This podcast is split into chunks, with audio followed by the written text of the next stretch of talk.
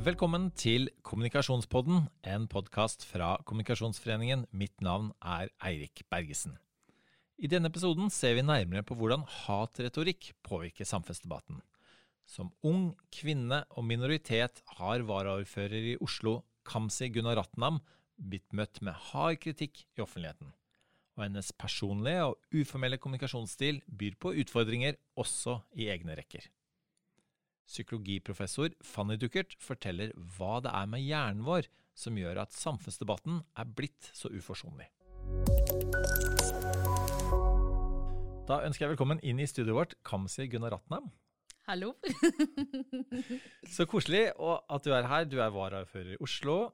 Eh, og et perfekt objekt til å snakke om hatretorikk og eh, vanskelig samfunnsdebatt. Fordi du altså eh, nå, Jeg regner med at de fleste vet hvordan du ser ut, men bare for å Jeg sitter også og ser på en ung kvinne. Eh, ja, kvinne. Eh, og du er, eh, har etnisk bakgrunn. Eh, mørk i huden er på, på venstresiden. Eh, og mm. har til og med vært leder i 17. mai-komiteen. og, og det, du, du ber jo om det. Ja. ja. På flere måter. Og får det. Og får det. Eh, bråk og bare ta 17. mai-komiteen, da, da fikk du kritikk for å ja, være ikke kronisk norsk. Ja, da var jeg ikke kronisk norsk, Nei. Eh, og det var veldig vanskelig for noen. Ja. Så da, da, får du høre det. så, så hvordan er det å være ung kvinne ikke kronisk norsk i samfunnsdebatten? Altså, eh, det ser vi jo eh, flere steder og på flere nivåer, at det er vanskelig. Eh, fordi du får mer hets. Og det ser vi liksom for liksom hver kategori du tikker av, desto vanskeligere er det. Er du yngre, er det vanskeligere fordi de eldre alltid mener de vet bedre. Er du kvinne, så er det fordi vi tradisjonelt har levd i et patriarkalsk samfunn, så tenker vi at liksom kvinner er dårlig regnet. Et eller annet sted i hodet vårt så tenker vi det, fordi menn stemmer på menn, og kvinner stemmer på menn. Og, og med vi, da mener du også kvinner? Også kvinner. Ja. Mm. Også kvinner stemmer på menn. Eh, og det handler om at vi et eller annet sted i hodet vårt er liksom vant til at det er menn som sitter med eh, ledende roller. Eh, og så er det dette med minoritetsbakgrunn. ikke sant? Når en person som sitter 16 år i Nobelkomiteen, velger å si at uh, du ikke er kvalifisert til å være leder av 17. mai-komiteen fordi du ikke er kronisk norsk, i anførselstegn, så er det noe som veldig mange også tenker. Dessverre er hun ikke alene om det. Eh, og det tror jeg handler om at det som ikke er normen, det er heller ikke greit. Så man må liksom gjennom flere hundre og tiår eh, knuse glasstak eh, og få eh, folk til å akseptere at eh, selvfølgelig kan Erna være statsminister til tross for at hun er eh, kvinne. Eh, større problem at hun er bergenser, men til tross for at hun er kvinne. at selvfølgelig er Hadia Tajik nestleder i landets største parti. selvfølgelig kan en 21 år gammel gutt bli leder av 17. mai-komiteen neste år. ikke sant? Sånne ting begynner å endre seg. Men også det at hvis du i tillegg til å ha, være en ung jente med minoritetsbakgrunn, også er brautende, eh, ler høyt, ikke sant, og gir faen i janteloven, og du tar plass, og du sitter rundt bordet og snakker som gutta på 40 og 50 år, det kan også Da, da ber du enda mer spesifikk om det, da, som du sier. Jeg mm. kanskje det mest provoserende for dine kritikere er vel at, at du tilsynelatende tar så lett på det, og smiler og ler og er deg sjøl i mediene likevel. Ja, så det skal du ikke gjøre. Både ikke følge normen og konsekvent et, uh, utfordre det etablerte. Altså, jeg tror veldig mange ser på meg og tenker at du ikke er en klassisk Arbeiderpartipolitiker. Uh, så, så, mange politiske kamper og utfordringer kommer til mitt eget parti også. Så det, er flere ting, de tre kategoriene med ung jente minoritetsbakgrunn. Men herregud, du snakker som om du er berettiga til alt i denne verden. Mm. Det skal du i hvert fall ikke gjøre. Så på mange måter så ber jeg om bråket som kommer også. og, og, og hva er det som gjør at du klarer å å gjøre nettopp det. Og på en måte snakke som om du er berettiget til det, noe du jo åpenbart er. Du har jo vunnet da, eh, disse politiske posisjonene her. Mm. Eh, og, og, du har på en måte Du vant vel også den strengt tatt den 17. mai-komitédebatten i sin tid? Det, det, gjorde jeg også. Eh, der, der, tror jeg nok hun, eh, hun, sto alene når det gjelder eh, i establishementet. Eh, nei, altså, det som er med normer, da. Normer er uskrevne. ikke sant? Kjønnsroller er skapt av samfunnet, ergo samfunnet kan endre det. så når jeg oppfører meg, så oppfører jeg meg etter de skrevne regler. ikke sant? Ytringsfrihet. Du kan si om mene det du vil. Uenighet er greit. Ta plass, fordi vi skal ha 50-50 kvinner og menn. Men poenget er at de uskrevne reglene de sier noe helt annet. ikke sant? Ja, men når, når vi har vært snille, når vi har vært så rettferdige og gitt deg plass, ikke sant? Og må du være litt mer stille. Nå må ikke du kreve mer, nå må ikke du lage mer bråk. Nå har du fått din del av liksom, eh, gjennomslag, ikke sant? og mm. nå skal du liksom roe deg ned og eh, ikke, ikke, be om mer. Så problemet er liksom Du har de uskrevne regler som blir utfordret, og, og, og de uskrevne reglene. Og de er regler, de kalles uskrevne regler av en grunn. Det er en del som følger dem. Mm, mm. Det står ikke skrevet noe sted. Eh, og når du utfordrer det, eh, da eh, skaper du også rommet litt større for de som kommer etter deg, men du altså, du provoserer også på deg veldig mange mennesker. Så jeg håper jo at sant, det er veldig mange kvinner som har gått foran meg og skapt det rommet litt og litt. Og så må jeg sørge for at jeg er med på å lage det rommet for de som kommer eh, etter meg. Og utover å være en veldig smilende og blid og personengasjert person, hvilke teknikker har du eh, som du, du, prøver å lære bort til de som eh, også er i tilsvarende situasjoner. Mm. Jeg mener at, eh, at Det ene er jo at alle må tenke at de er en uh, hvit middelaldrende mann. Uh, fordi de tror de er berettiga til alt. Så det er en teknikk. Uh, Provoserende, men, men, det funker. Kommer veldig lett for meg. ja. jeg tror at det som har funka for kvinner i alle år, og kvinnebevegelsen i alle år, det vil også funke for de med minoritetsbakgrunn, og da særlig kvinner med minoritetsbakgrunn. Det å ha samlinger bare for kvinner, hvor man går gjennom gjennom tall, går gjennom altså F.eks. hvis du er et rom med like mange kvinner og menn. Det å liksom bevisstgjøre at da vil fortsatt menn snakke fem ganger mer. Det å bevisstgjøre de på at eh, kvinner også kan gi litt mer faen. Eh, at eh, kanskje menn skal tenke seg om eh, et par ganger også før de snakker. Eh, og det å ha egne skrivekurs, altså at du eh, holder innlegg for hverandre før du går på et landsmøte. At du gjør alle disse tingene. At du har kurs i hersketeknikker, ikke for å nødvendigvis bruke bruke det sjøl, men for å vite når det er du blir utsatt for hersketeknikk. Jeg tenker at Alt det som har funka for kvinnebevegelsen, det funker også for eh, de med minoritetsbakgrunn. Eh, og eh, da særlig kvinner med minoritetsbakgrunn. Det funka for meg i AUF-tida, og det jeg har lært i AUF, det bruker jeg nå i Arbeiderpartiet. Mm. Og hvilken, Hvis du skal trekke frem, bortsett fra 17. mai-komiteen, og sånn personlige erfaringer hvor du kanskje har, har fått mye kritikk og har klart å snu det til noe positivt? Eh, for eksempel så har jeg alle år eh, så har jeg fått høre at, eh, at måten jeg er på som person, er ikke helt politikeraktig. Jeg har fått høre av veldig mange i establishementet, i politikken og i partiet, at f.eks. måten jeg er på sosiale medier, det er ikke helt greit. Så viser det seg at de siste liksom, forskningene viser, er at jo mer personlig du er, desto mer ekte du er, desto mer ærlig du er på deg som en helhetlig person, og ikke bare en politiker som sitter og leser sakspapirer på rådhuset, så er det mer tillitsvekkende hos velgerne enn ellers. Så da var det veldig gøy at i alle år så har jeg liksom hatt liksom voksne, særlig damer eh, og eh, menn, som har sagt til meg at du er veldig feil eh, på sosiale medier. Mm. Så ble jeg liksom på sist landsstyremøte i Arbeiderpartiet bedt om å holde foredrag for hele landsstyret om sånn skal dere være på sosiale medier. Så det er noe med at liksom over tid, hvis du vet det du gjør er riktig, så vil det over tid også vise deg, selv om du må stå alene i starten. For det er vel kanskje en grunn til at det er politikere som forteller deg at du ikke er nok politikeraktig, mens vanlige mennesker vil nok kanskje tenke at politikeraktig ikke nødvendigvis er en positiv ting. Helt riktig. Jeg tror nok veldig mange søker etter politikere som ser mer ut som seg sjøl. Ikke sånn i hudfarge og kvinne bare, men også i stil og format. da. Mm. Eh, eh, du nevner det der med å bruke stemmen sin. Du er jo en person som ikke alltid har brukt stemmen din, utrolig nok, når man hører deg nå. Mm. Eh, og, og, du har fortalt meg at på videregående så var du ganske stille. Og så skjedde et eller annet. Mm, var, jeg var veldig stille. Jeg var enda mer stille på, på barneskole eh, og var veldig sjenert. Liksom, jeg tenkte liksom unnskyld for at jeg snakker og er til. Jeg holdt liksom for munnen og jeg lo og alt det der. Um, men jeg tror, for meg så tror jeg det bare liksom switcha et sted. At det bare var sånn derre Det sitter jo folk rundt meg som sier uh, veldig mye rart. det er kanskje liksom den ene tingen som provoserer. Men det andre er at jeg så ingen i samfunnet som lignet på meg. Eh, og da snakker jeg ikke bare om at du skal være brun og kvinne, men jeg snakker også om Groruddalen. Jeg snakker om at du ikke må alltid snakke så plettfritt. ikke sant? At du eh, ikke skal være så eh, fin på ting og ordentlig på ting, liksom. Kan ikke du bare snakke som om du står midt på Grorud, liksom? Eh, så alle kan forstå. Eh, så, så, jeg tror jeg savnet det, og har prøvd å liksom Uh, ta det med meg og um, bevare det litt sjøl også. At, at, du viser, viser uh, hvor du er fra. Så jeg, liksom, jeg tror jeg ble bare så provosert over at Jeg ble provosert over meg sjøl, egentlig. Og provosert over hvordan ting var i samfunnet. Men det handler litt om at, at det, er, det, er, ingen andre enn deg sjøl, til syvende og sist. Uansett hvor flinke man er i organisasjoner og miljøene rundt deg eh, til å ta tak i dette. her, At man må på en måte gjennom en sånn, litt sånn selvbevissthetsprosess. Absolutt. Tonje Brenna, eh, god Arbeiderparti-kollega, pleier å si at eh, noen, det er deg. eh, og jeg tror liksom man på et tidspunkt ikke kan liksom peke utover lenger. På et tidspunkt så må du bare liksom ta på deg det ansvaret du prøver å pålegge andre. da.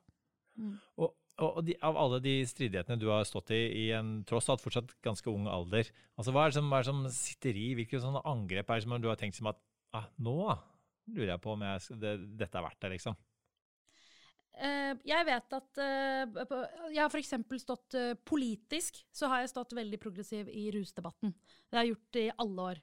Det har ikke vært lett. Eh, jeg fikk f.eks. telefoner og e-poster der jeg ble varaordfører med folk som sa du må trekke deg som varaordfører. Du er ikke en Arbeiderparti-varaordfører verdig når du er for eh, legalisering og avkriminaliseringslinja. Eh, selv om du prøver å forklare at det handler om helse og ikke justis. Så det har vært veldig tøft å stå i, men jeg har aldri tenkt at jeg skal trekke meg. Men det som går enda mer personlig, og det er jo det jenter og kvinner blir mer utsatt for enn menn, det er at folk går mye mer på karakteren din. Jeg tullet litt med det i stad. Men når du oppfører deg som en hvit middelaldrende mann, og det tuller jeg med, det er ikke et mål å være en hvit middelaldrende mann, men det er fordi det er hvite middelaldrende menn rundt meg. Jeg, jeg sitter med Raymond Johansen, jeg sitter med Frode Jacobsen, jeg sitter med Espen Barth Eide. Eh, og, og, og, og, det er ikke meningen å oppføre seg som dem, men du ender opp med å oppføre deg som dem fordi det er sånn vi snakker til hverandre. ikke sant?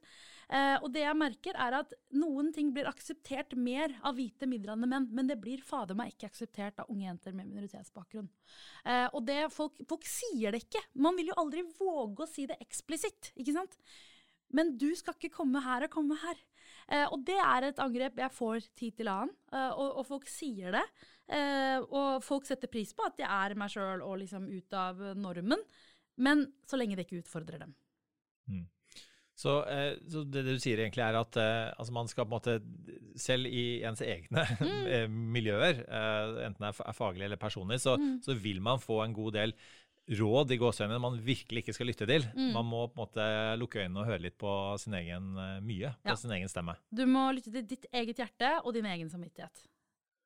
Og hva, hva tenker du altså sånn herre eh, hvis vi, altså, Har dette blitt verre? Du har jo vært med selv om du er ung, du har vært med i politikken lenge, og du har vært en aktiv deltaker i samfunnsdebatt. Mm. Eh, altså, har har, samfunns, har den offentlige debatten som helhet, um, ikke bare i politikken, har den, har den blitt verre? Blitt mer hatsk? Uh, det er Klare bare blitt motsetninger? Lett lettere å ytre hatske eh, ting. Eh, ikke sant? Før, I gamle dager så kunne du eh, være drita, og så kunne du skrevet et brev som du hadde hatt lyst til å få på trykk i avisen, og så våkner du dagen til og tenker 'kanskje ikke'. ikke sant?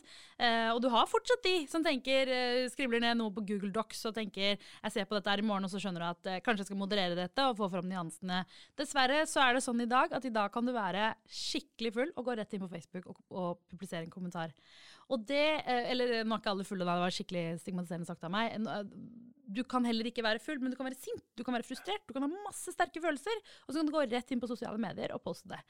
Det gjør at du tar ikke deg uh, muligheten og anledningen til å stoppe opp og bare sånn, hva er pros and cons her, hva var det hun mente, skal jeg ta henne i beste mening? Du, du, har ingen tankerekker, du publiserer det første du tenker på. Som noen ganger er sjarmerende for folk, men de aller fleste ganger ikke bidrar til Altså, vi kommer noe sted, da, fordi du mm. blir så bastant på det du mener. Mm. Men altså som eh, hvit 40 år gammel, 40-årene mann, eh, så, med jeg kan jo bli lei meg for kritikk, og få kritikk, og bli lei meg for det. Mm. Eh, og, og, og så, så, tenker jeg samtidig, de gangene det skjer, tenker jeg ah, eh, men tenk å være kvinne, tenk å være ung, tenk å være alle, alle variablene som du har, f.eks. Kamzy.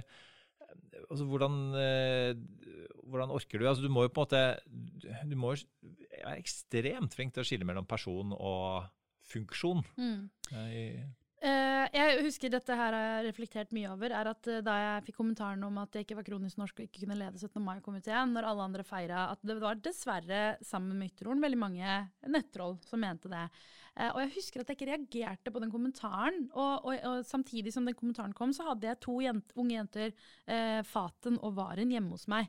Eh, en arabisk og en kurdisk jente som så kommentaren, og vi bare lo det bort. Og vi reagerte ikke før resten av Norge reagerte søndagen etterpå. ikke sant? og da måtte vi være litt sånn Shit! tenk at vi er blitt så vant til hat. At selv det verste som kommer, og som er helt seriøst ment, da, f.eks. fra Ytterhorn, at vi ikke reagerer engang. Så den apatien også vi utvikler altså Selvfølgelig skal vi ha hard hud i politikken, men hvis vi også blir helt umenneskelig kalde, så er jo det også farlig. Mm. For hvis ikke jeg reagerer på vegne av meg sjøl, klarer jeg da å reagere på vegne av andre? Og hva slags råd er det jeg vil gi til jenter som kommer etter meg? Skal jeg bare si du skal finne deg i det? Mm. Det er jo heller ikke mm. riktig. Så hvis vi, så situasjonen er så ille, eh, hva kan vi da gjøre konkret som samfunn for å komme, gjøre noe med det, for å gjøre det bedre? Jeg, tror, jeg merker det i større og større grad på min Facebook, i hvert fall, og jeg tror det alle kan bidra med, er at vi kan ikke miste noen til den mørke siden. Det vil si, altfor mange ganger så ser vi på nettroll, og så tenker vi eh, lost case, eh, gidder ikke å svare, ignorer, slett, eh, skjul eller et eller annet. Blokker. Ikke sant? Men de stemmene er der, ikke sant? De stemmene eksisterer. og som politiker så skjønner jeg at det, det, som er veldig fint, er at andre mennesker i kommentarfeltet altså Tenk hvor mange flere vi er, da! er nødt til å ta til motmæle. Det er apatien som er vår verste fiende. Og da må vi evne å ta til motmæle på vegne av de som trenger den støtten. Og det har gjort at jeg står sterkere i det i dag. er at Før måtte jeg liksom gå og svare sjøl og liksom øh, Hva er det de mener, liksom, og dette går på min person, og så videre. Men nå sitter det liksom folk og tar meg i forsvar. Og det må vi også evne å gjøre for andre mennesker. Så både som personer eh, som en del av miljøet, og også som fagpersoner mm. som en del av en organisasjon. Absolutt. Blir flinkere til å på en måte verne om de menneskene som eh, forvalter makt på våre vegne. Mm. Den ettertenksomheten der, den lar vi ved eh, siste ordet for to veldig snakkesalige mennesker. Så en liten kunstpause der, altså. eh, tusen takk for at du, du var med oss, eh, Kamzy, eh, og med ditt engasjement og mange gode tanker. Takk skal du ha. Da vil jeg ønske velkommen til Fanny Duckert. Hei sann. Hei. Du er eh, professor i psykologi og klinisk spesialist. Sitter på kontoret ditt nå? Ja, det gjør jeg faktisk. Jeg er vel en av de få som fortsatt har mulighet til å holde åpent. Det er, eh, det er det god grunn til, eh, fordi vi trenger sånn som deg i, i samfunnet. Og ikke minst um, i, for oss i Kommunikasjonspodden, du, fordi du, er jo, du har jo spesialkompetanse på negativ medieeksponering. Og vi snakker jo i dag om måte, hvordan debattklimaet eh, har blitt veldig konfliktfylt, og kanskje til og med verre. Eh, og der har vi en fin målestokk, for du skrev en bok i, i Mediers søkelys i 2017, mm. eh, og snakket med mange Eh, personer da, om hvordan de opplevde det å være, stå i mediestorm. Mm. Eh, og nå er det gått eh, tre år siden. Mm. Hva, hva, hva har skjedd på de årene?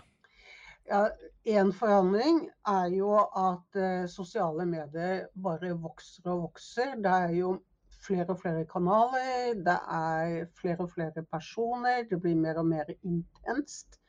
Så det, dette har faktisk gått så fort at uh, det vi holder på med nå, er å fortsette denne forskningen og holde på nå med en videreføring i forhold til å se spesifikt på sosiale medier, for det er blitt så dominerende på disse tre årene. Så den, den, eh, Man kunne nesten ha skrevet boka i sosiale mediers uh, søkelys nå? Ja. Det er ikke vanskelig å fylle en hel bok om hva som skjer der for tiden. Hvordan er det å være enkeltperson med en viss makt, i hvert fall i enkeltsituasjoner, mm. Eh, og, og, bli utsatt for måte, det mediesøkelyset? Eh, da enten, i, enten, i, form av tradisjonelle medier eller, eller sosiale medier um, i, i, våre dager? Det som vi jo fant, er at selv for ganske erfarne folk, ledere som har medieerfaring med seg, så kan allikevel dette her bli ganske svært og ganske krevende. Ekstremt intenst.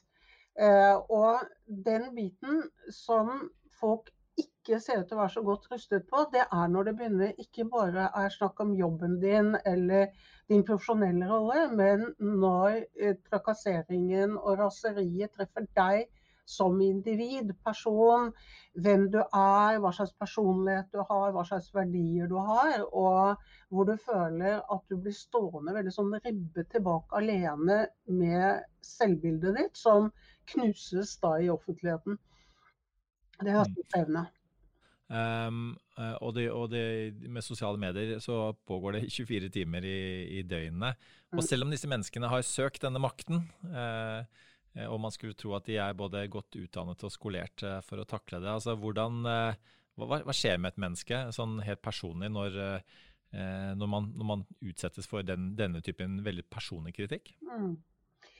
Altså, her, det er jo egentlig ganske store variasjoner. Da. Altså det vi f.eks. har prøvd å finne litt mer ut om, er liksom hva gjør deg sårbar, eh, hva gjør deg mer robust.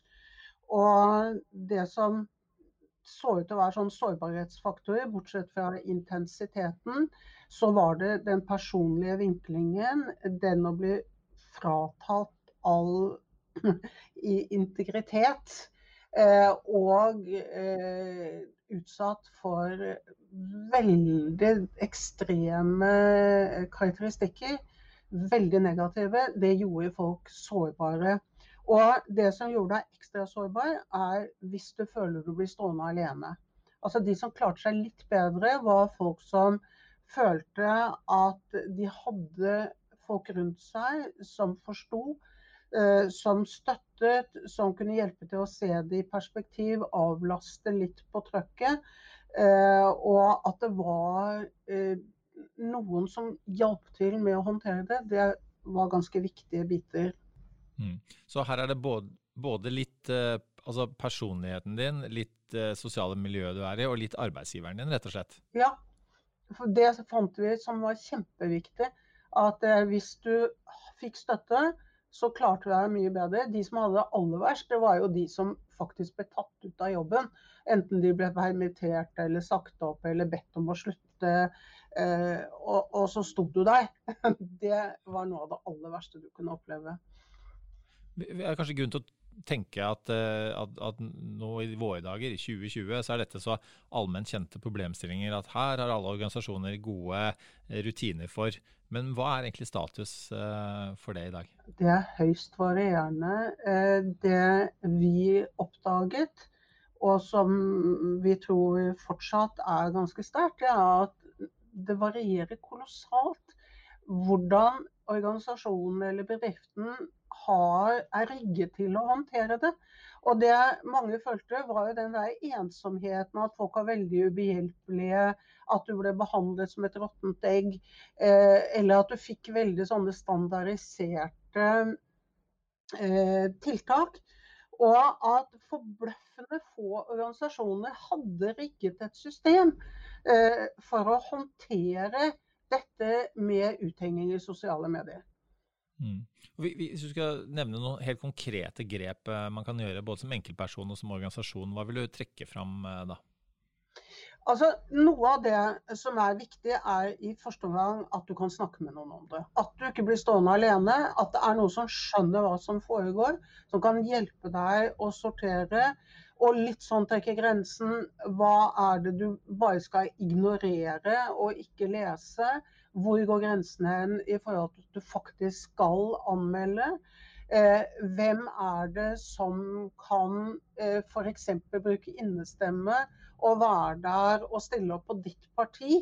Eh, og, og, møte ut, uthetsingen eller utskjellingen på en ryddig måte. Alle disse tingene er det viktig å få hjelp på. Så det er ikke sånn at det skal være ditt egenansvar som enkeltperson, med at organisasjonen din er med deg i prosessen og har rutiner og struktur for det. Mm. Altså, eh, I den boka som du skrev sammen med Kim Edgar Karlsen i 2017, så har du jo eh, dybdeintervjuer med, med, ulike mennesker som, ser, som, har ulike måter å, å takle også personlig da, det, det stresset rundt dette. Og vi, vi, ser jo mange av de som, ha, som, sitter ved makten, enten det er i politikken mm. eller andre deler av samfunnslivet, som, som også som får veldig mye dritt eh, veldig ofte. Og noe berettiget, noe ikke. Mm. Veldig mye ikke. Eh, men som allikevel ser ut til å stå last og brast eh, i stormen, og fra statsministeren og, og, og, og, nedover i rekkene. Og Hva er det som kjennetegner de som gjør at de, de, de tåler, tåler deg så godt? Mm. Altså, det er jo klart Jeg tenker at en robusthetsfaktor ligger i å forstå hva er det som skjer, og at den som blir angrepet, at det ikke er deg som person, men du, det du representerer, det du symboliserer, og at veldig mange av de som giver seg over deg, aner jo egentlig ingenting om hvem du er eller hva slags situasjon du har. Så hvis man på en måte har en viss distanse til sitt profesjonelle selv, og ikke mister fotfestet, så hjelper det veldig. Mm. Og, og, og, når du sier dette med at man, eh, man ikke, det er ikke nødvendigvis personen man er ute etter, det er gjerne institusjonen din eller det du representerer. Mm.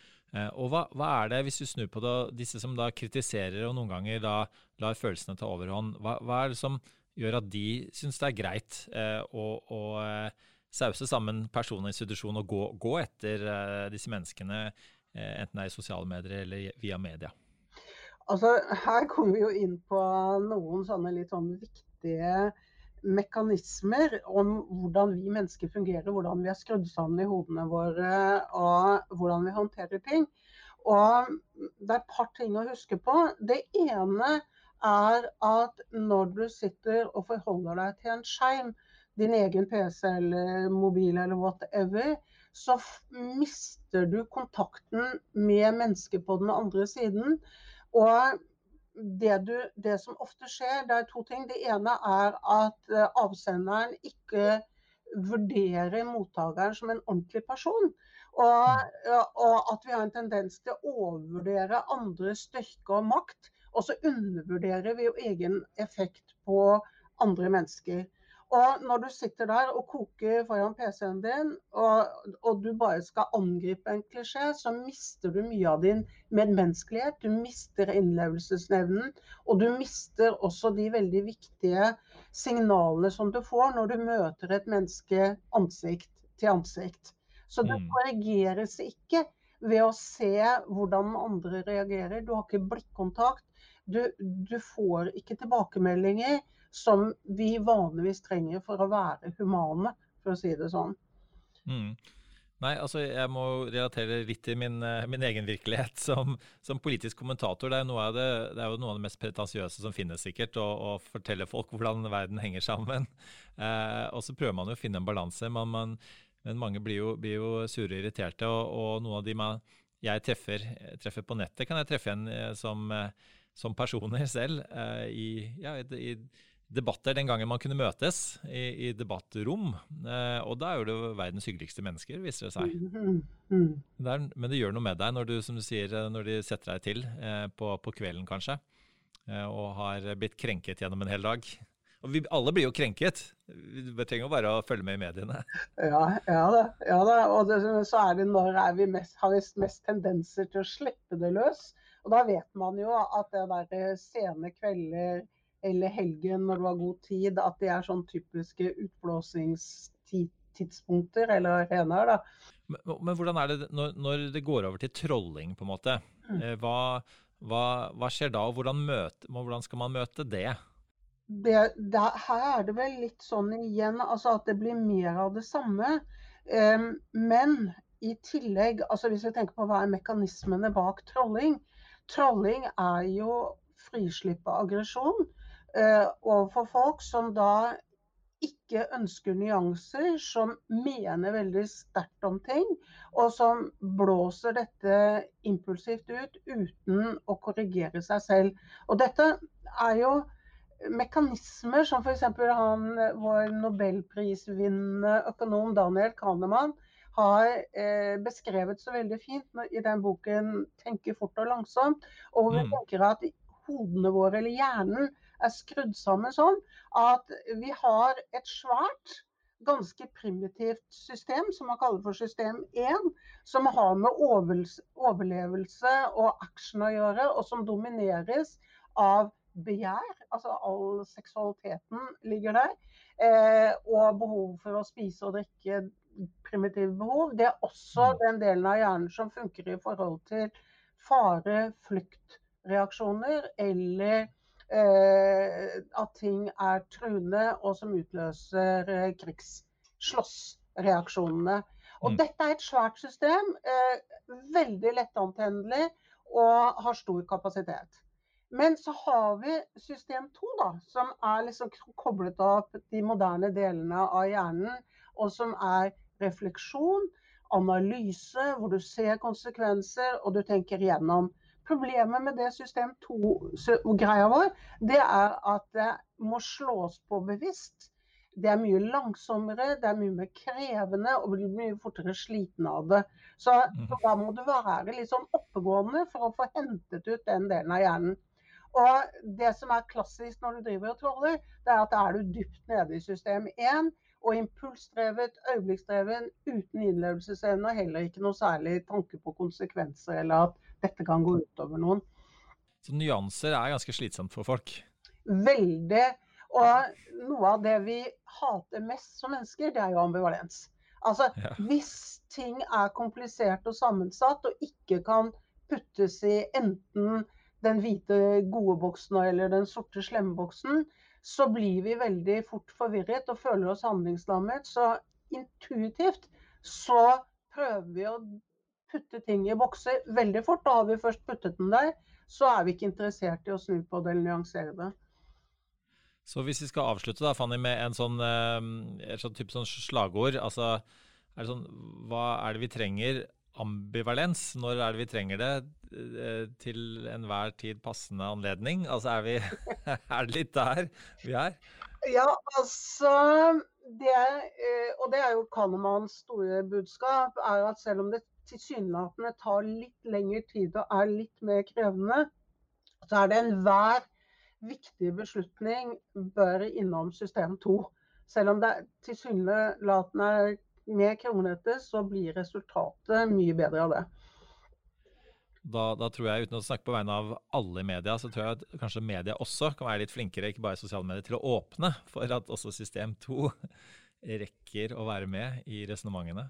Ja, og vi Altså, en liten sånn runde på det, det er jo at eh, klikkingen, altså jakten på klikk, er jo å forsøke å dytte folk inn i de der refleksgreiene.